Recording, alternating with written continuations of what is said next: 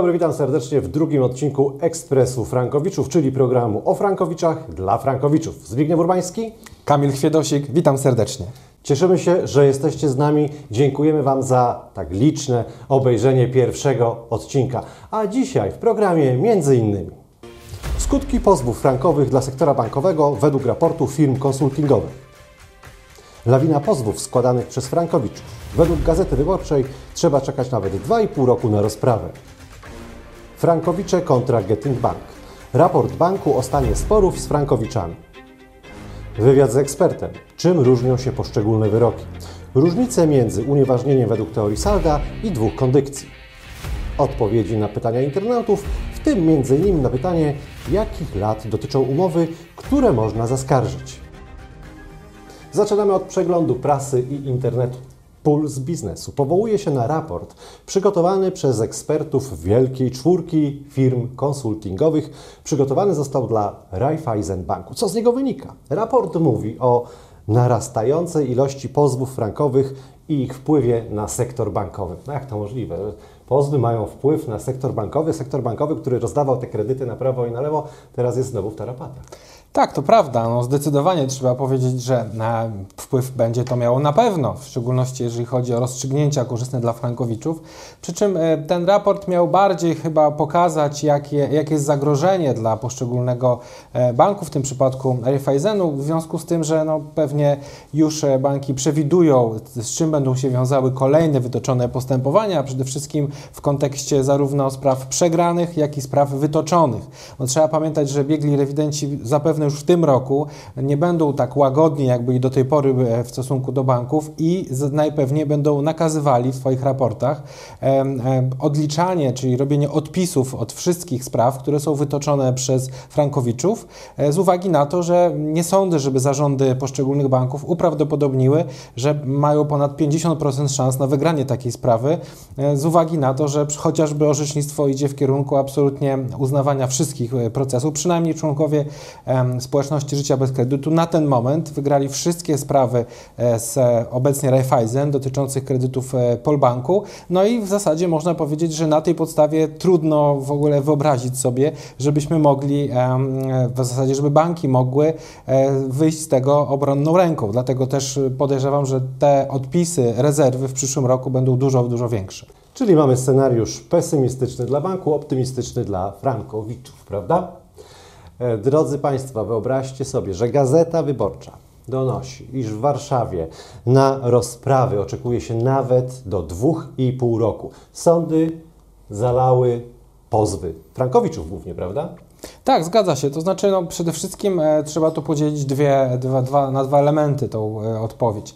E, jeżeli chodzi o czas trwania postępowania, to ono nie trwa e, tak długo. To znaczy, e, tutaj ta informacja od razu wskazywałaby na to, że skoro pierwsza rozprawa 2,5 roku, kolejna znowu 2,5 roku, a może trzecia, więc razem może 7 i więcej lat. Tak, tak, tak się nie dzieje. Tak? To znaczy, e, faktem jest, że jest dużo więcej spraw, natomiast ta matematyka jest oparta na jakiejś powiedzmy dosyć mocno zawyżonej e, statystyce, która wskazuje być może jakąś jedną indywidualną sprawę, dlatego że co do zasady e, trwa postępowanie w sądzie zarówno okręgowym, jak później e, apelacyjnym około dwóch do trzech lat do czasu prawomocnego wyroku.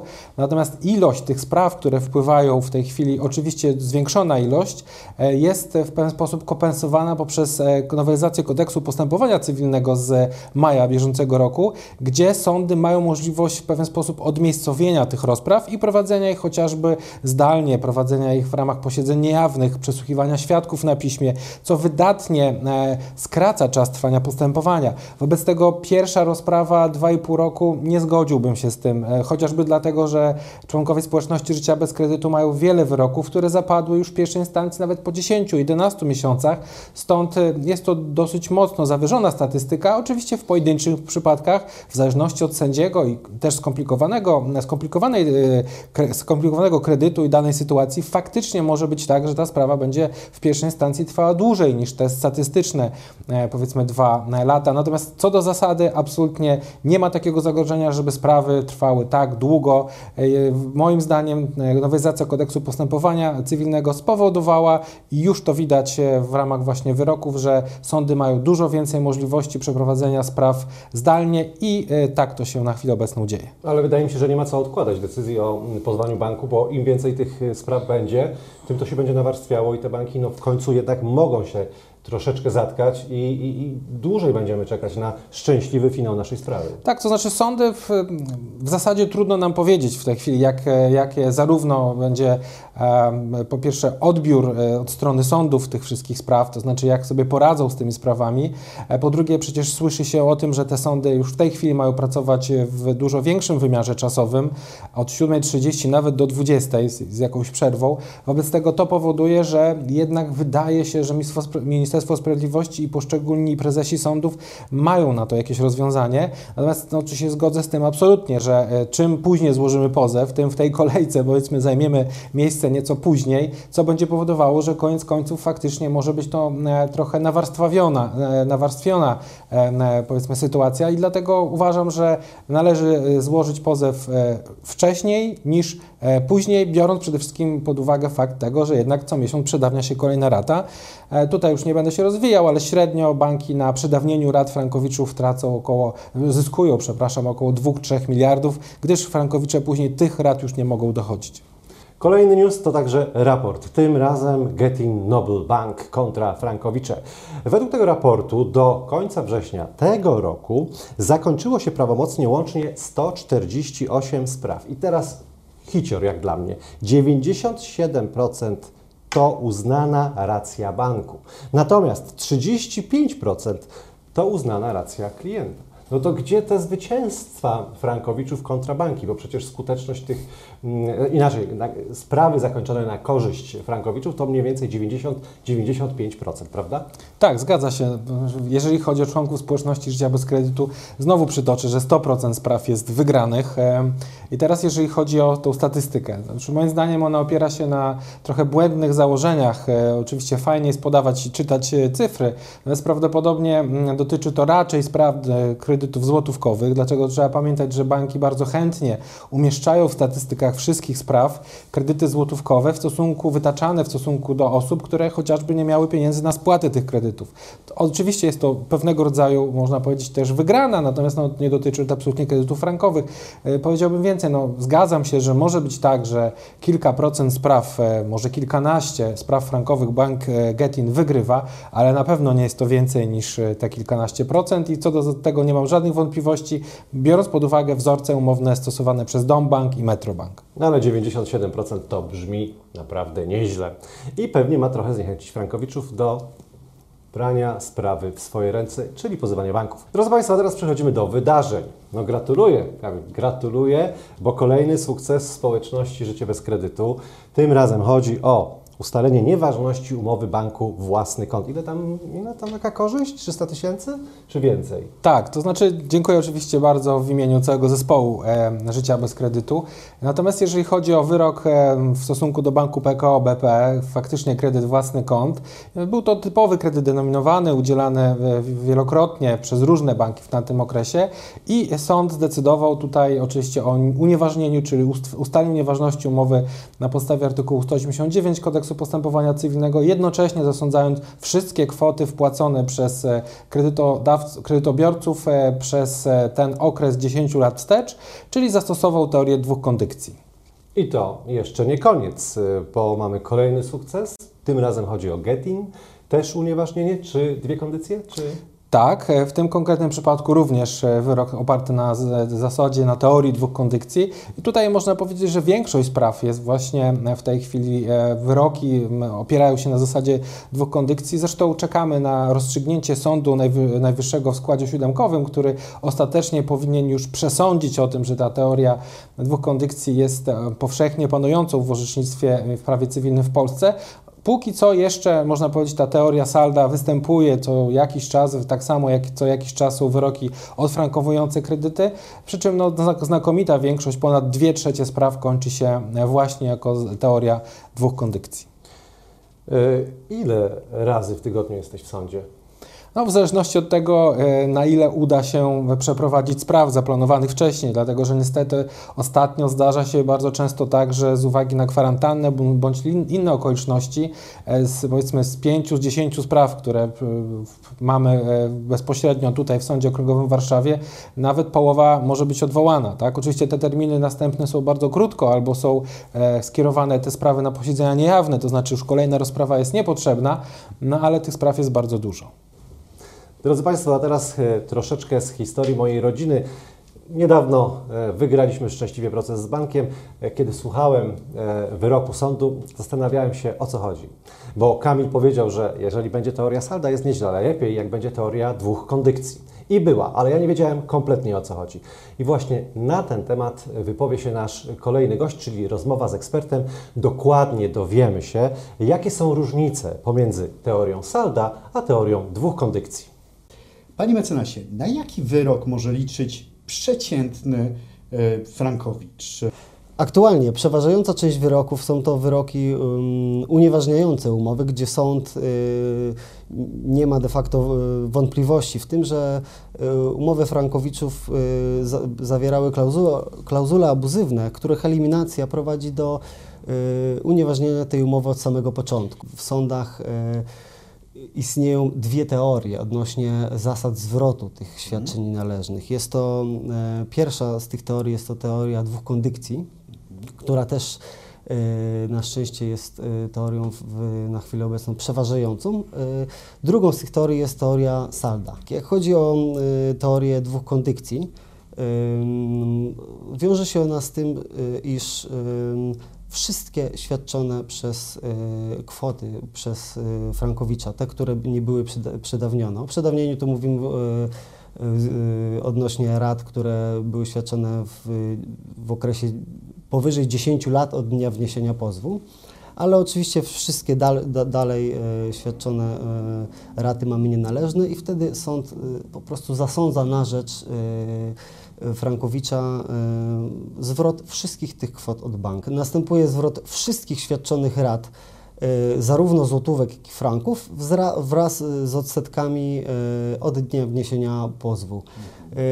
Tutaj właśnie mm, możemy zauważyć rozróżnienie w stosunku do y, teorii Salda, która też zdarza się, że jeszcze sądy stosują. Wtedy y, sąd zasądza zwrot wszystkich franków, które były świadczone, ponieważ one nie, nie podlegają rozliczeniu. Ponieważ teoria Salda y, przewiduje wzajemne rozliczenia, ponieważ sąd uznaje, iż zarówno bank świadczył nienależnie, y, jak i y, wypłatę kwoty kredytu, jak i Frankowicz y, w ramach tej spłat również świadczył nienależnie i ewentualne zasądzenie kwot na rzecz Frankowicza dotyczy kwot, które przekraczają kwotę wypłaconego kredytu. Spodziewamy się, że Sąd Najwyższy opowie się za zasadą condictio sine causa, czyli właśnie teorią dwóch kondykcji.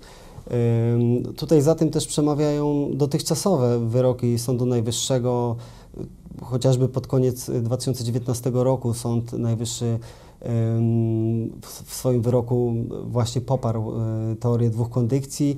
Stwierdził, że stosując przepisy o świadczeniu nienależnym, to właśnie ta teoria jest najwłaściwsza.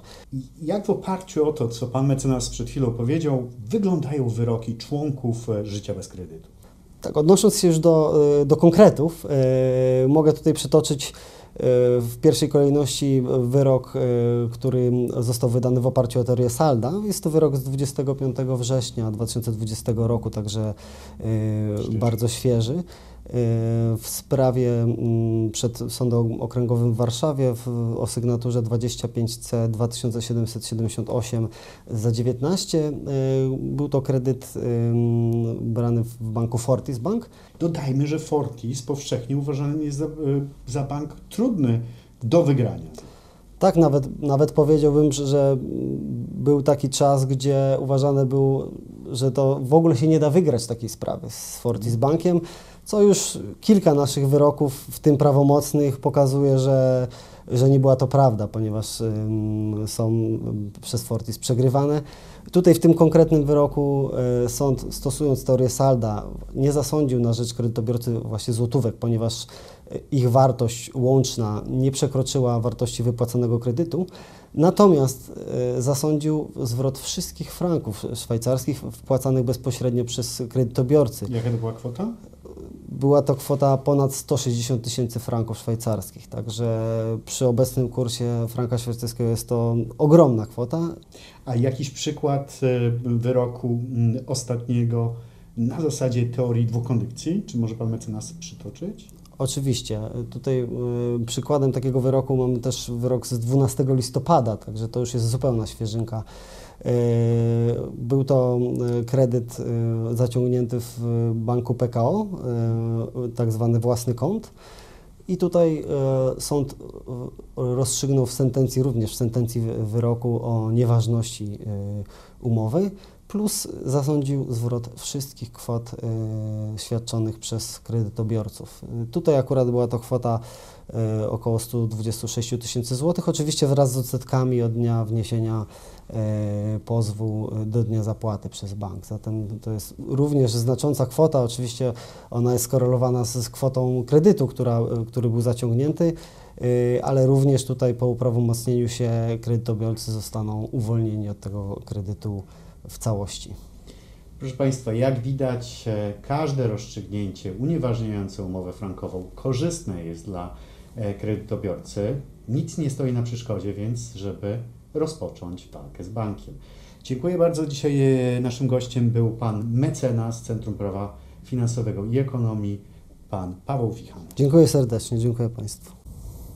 Mam nadzieję, że po tej rozmowie z naszym ekspertem wiecie już, co to jest teoria salda i co to jest teoria dwóch kondykcji, e, która jest bardziej korzystna dla frankowiczów. E, jak często właśnie zapadają wyroki, e, jeżeli chodzi o teorię dwóch kondykcji?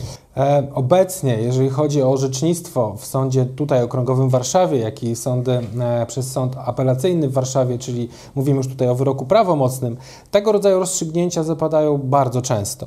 Oczywiście mamy taką sytuację, że wiele spraw, które skończyły się w pierwszej instancji e, unieważnieniem tej umowy bądź stwierdzeniem tej nieważności tej umowy, czekają w tej chwili na odpowiedź na zagadnienie prawne Sądu Najwyższego. Myślę, że w ciągu kilku najbliższych miesięcy będzie już odpowiedź Sądu Sądu Najwyższego, co spowoduje, że będzie nowa lawina wyroków prawomocnych, gdyż w tamtych sprawach w zasadzie już sąd jest przeświadczony zapewne co do skutków nieważności tej umowy, ale brakuje mu ostatecznie rozliczenia, czyli czy faktycznie ma być zastosowana teoria salda, która powoduje, że Frankowicz ma zwracane jedynie franki, jeżeli spłacał je oczywiście, czy też teoria dwóch kondykcji, gdzie jest zwrot zarówno złotówek, jak i franków. Także w tym zakresie na pewno ilość tych rozstrzygnięć, spraw unieważniających kredyty jest e, bardzo duża. Uważam, że obecnie to jest około 80, nawet do 90% wszystkich e, rozstrzygnięć, przy czym oczywiście trzeba pamiętać, że część jeszcze przypada na odfrankowanie. Także tutaj jest to dosyć duża liczba spraw, natomiast oczywiście poniekąd to też znaczy, że już w pierwszej instancji e, zapadło kilkadziesiąt wyroków unieważniających umowę na zasadzie teorii dwóch kondykcji. Dziękuję Ci bardzo. A ja zapraszam Państwa na rozmowę z Panią Karoliną, która jest członkiem społeczności Życie bez kredytu. Opowie, dlaczego zdecydowała się na ten krok, czyli pozwanie banku i jak współpracuje się ze społecznością Życie bez kredytu. Zdecydowałam dołączyć się do społeczności Życie bez kredytu, ponieważ jestem obciążona e, dużym kredytem we franku szwajcarskim. E, w 2006 roku, czyli już ponad 14 lat temu, zdecydowałam się na założenie rodziny i wybudowanie sobie domu marzeń. E, co wiązało się z zaciągnięciem dosyć dużego kredytu. E, postanowiłam e, rozejrzeć się za atrakcyjną ofertą. E, mm, Zostało mi przedstawione kilka propozycji bankowych. Konsultowałam się oczywiście w tej sprawie również z doradcą finansowym, który przekonał mnie do oferty Getin Banku która na tamtą chwilę e, wydawała się bardzo atrakcyjna. Skontaktowałam się z przedstawicielką banku, która e, zajmowała się wtedy moją sprawą, ponieważ chciałam, żeby to ta sama osoba personalnie kontynuowała moją sprawę. Wiedziałam o tym, że może będzie to łatwiej i prościej, prościej do załatwienia. E, I co się okazało, że ta pani już nie pracowała w tym banku. Później z ust znajomych y, dowiedziałam się, że e, nie stać ją było mentalnie na to, żeby po prostu oszukiwać ludzi. Zrezygnowała z tej pracy, żeby mm, wyrzutu sumienia nie pozwoliły jej na to, żeby, żeby w ten sposób pracować. Zaczęło się robić troszkę głośno w mediach o tym, że jest to sprawa e, możliwa do rozwiązania, więc postanowiłam się e, bliżej zainteresować tematem. E, Grzebiąc sobie po Facebooku, wpadła mi e, oferta, może nie oferta, tylko propozycja e, dołączenia do społeczności Życie bez kredytu i tym sposobem do tej społeczności dołączyłam. Wysłałam zapytanie i otrzymałam darmową analizę umowy po bardzo krótkim czasie, która bardzo mnie satysfakcjonowała. To były trzy rozwiązania, które jakkolwiek by się nie skończyło sprawą w sądzie, to, to wszystkie były dla mnie atrakcyjne. E, Zaproszono mnie na spotkanie e, i tam przedstawiono mi cały zespół społeczności, specjalistów, które się zajmuje społecznością Życie bez kredytu, e, między innymi analitycy i, specjaliści od umów oraz zespół logistyczny, który się zajmuje całym tym przedsięwzięciem. Zrobiło to na mnie bardzo pozytywne wrażenie. Cały zespół był bardzo profesjonalny, więc zdecydowałam się zainwestować i e, rozpocząć sprawę. Pan Kamil Chwiedosik na spotkaniu u niego w biurze e, dokładnie przeanalizował moją umowę e, i przedstawił mi wszystkie nieuczciwe zapisy, które są w niej zawarte. Moja sprawa będzie miała finał w czerwcu 2021 roku, to znaczy pierwszy, pierwszy wyrok sądu. E, Mam nadzieję, że uwolni mnie to od e, tego obciążenia, które mam w tej chwili. Po naszym premierowym odcinku Ekspresu Frankowiczów spłynęło do nas naprawdę bardzo dużo pytań, za które serdecznie dziękujemy. Pora odpowiedzieć na kolejne. Pani Natalia pisze w sprawie umowy zawartej z Nordea w 2008 roku. Pytanie ma następujące. Czy odnotowano zapisy abuzywne? Czy są szanse na unieważnienie tych umów? I w końcu, czy są wygrane umowy z PKO BP? E, tak, e, Pani Natalio, w szczególności e, trzeba powiedzieć, że e, kredyt Nordea był udzielany bardzo e, długo, to znaczy aż do 2011 roku. Wobec tego akurat wzorzec umowny, który Pani posiada, jest takim najbardziej standardowym i można by rzec najbardziej łatwym do unieważnienia. Jeżeli chodzi natomiast o wyroki, to tak, jako następca prawny PKO BP oczywiście są sprawy wygrane dotyczące kredytu Nordea Habitat i mm, co rozumie się samo przez się, ten kredyt posiada klauzule abuzywne. Zresztą one są też e, wymienione w mapie klauzul rzecznika finansowego. Kolejne pytanie od pani Małgosi. Kredyt indeksowany Fortis Bank z 2007 roku. Podobno jest więcej wyroków negatywnych niż pozytywnych, czy to prawda? E, Nie wiem, jak jest e, ogólnie. Wiem, że członkowie społeczności Życia bez kredytu wygrali wszystkie sprawy dotyczące kredytów e, Fortis, czyli obecnie Paribas. Jeżeli natomiast chodzi o typ kredytu, Pani Małgosiu, jest to kredyt denominowany, nie jest to kredyt indeksowany, z uwagi na to, że w umowie mamy kwotę kredytu wyrażoną we franku. No nie, niezmiennie jest jednak sytuacja tego typu, że jeżeli chodzi w ogóle o sam model tego kredytu, to przez lata 2006, 7, 8 ten wzorzec się zmieniał. E, Przy czym co do zasady, oczywiście jest to kredyt denominowany przez niektórych sędziów, nawet w uzasadnieniach ustnych po unieważnieniu tej umowy, określany jako dwuwalutowy, czyli z jednej strony jest e, konieczność spełnienia świadczenia, czyli wypłaty e, kredytu w złotówkach, z drugiej strony wielu kredytobiorców mogło od razu spłacać we franku, co jednocześnie również znaczy, że skoro sędziowie zauważają tą sytuację, to nie znaczy, że ta umowa jest dalej obowiązująca. To znaczy jest wystarczająco dużo błędów w niej, innymi brak esencjali negoti, aby e, utrzymać dalej w mocy tę umowę. Pan Wojtek y, pyta, jakich lat dotyczą umowy, które można zaskarżać? Czy w tym przypadku jest coś takiego jak przedawnienie? E, Panie Wojtku, otóż tak, można e, zaskarżyć wszystkie umowy, niezależnie od tego, w którym roku one były zawarte. Wygraliśmy już nawet e, dla członka społeczności życia bez kredytu umowę zawartą w 2002 roku. Wobec tego tutaj e, czas w tym zakresie nie ma znaczenia, natomiast ma znaczenie, jakie roszczenia można wskutek stwierdzenia nieważności czy też odfrankowania takiej umowy dochodzić i jest to 10 lat wstecz od momentu złożenia pozwu. Także co miesiąc przedawnia się jedna rata, natomiast zawsze można takiego rodzaju kredyt zanieść, jakby można to nazwać, do sądu ze swoimi roszczeniami. Kamil, dziękuję pięknie za wszystkie odpowiedzi. Proszę bardzo. Czekamy na kolejne pytania. Kamil na pewno będzie przygotowany. A ja mam do Ciebie pytanie y, związane z 2002 rokiem, o którym wspominałeś. To wtedy umowa, taka pierwsza umowa frankowa była, którą prowadziłeś? Tak, znam taką pierwszą umowę w 2002 roku. Czy tę datę można wiem, założyć, że to jest data pojawienia się pierwszych frankowiczów w Polsce? Podejrzewam, że tak. No powiem Ci, że nie, bo pierwsi Wow. frankowicze pojawili się prawdopodobnie w latach 70., a może nawet 60. Nie wiem, używałeś frani? Pralki oczywiście. Moja babcia używała, masz rację. Ja też pamiętam i też moja babcia wtedy pranie zupełnie inaczej wyglądało. To w wannach się to robiło, pralka, prała. No, to nie byli frankowicze, ale może franiowicze bardziej. Drodzy Państwo, to wszystko na dzisiaj. Dziękujemy, że nas obejrzeliście. Dziękujemy za pytania, czekamy na więcej i do zobaczenia już wkrótce w kolejnym odcinku. Dziękuję Kamil. Dziękuję bardzo. Dziękuję Państwu. Kamil Chwiedosik. Zbigniew Urbański. Pozdrawiamy serdecznie.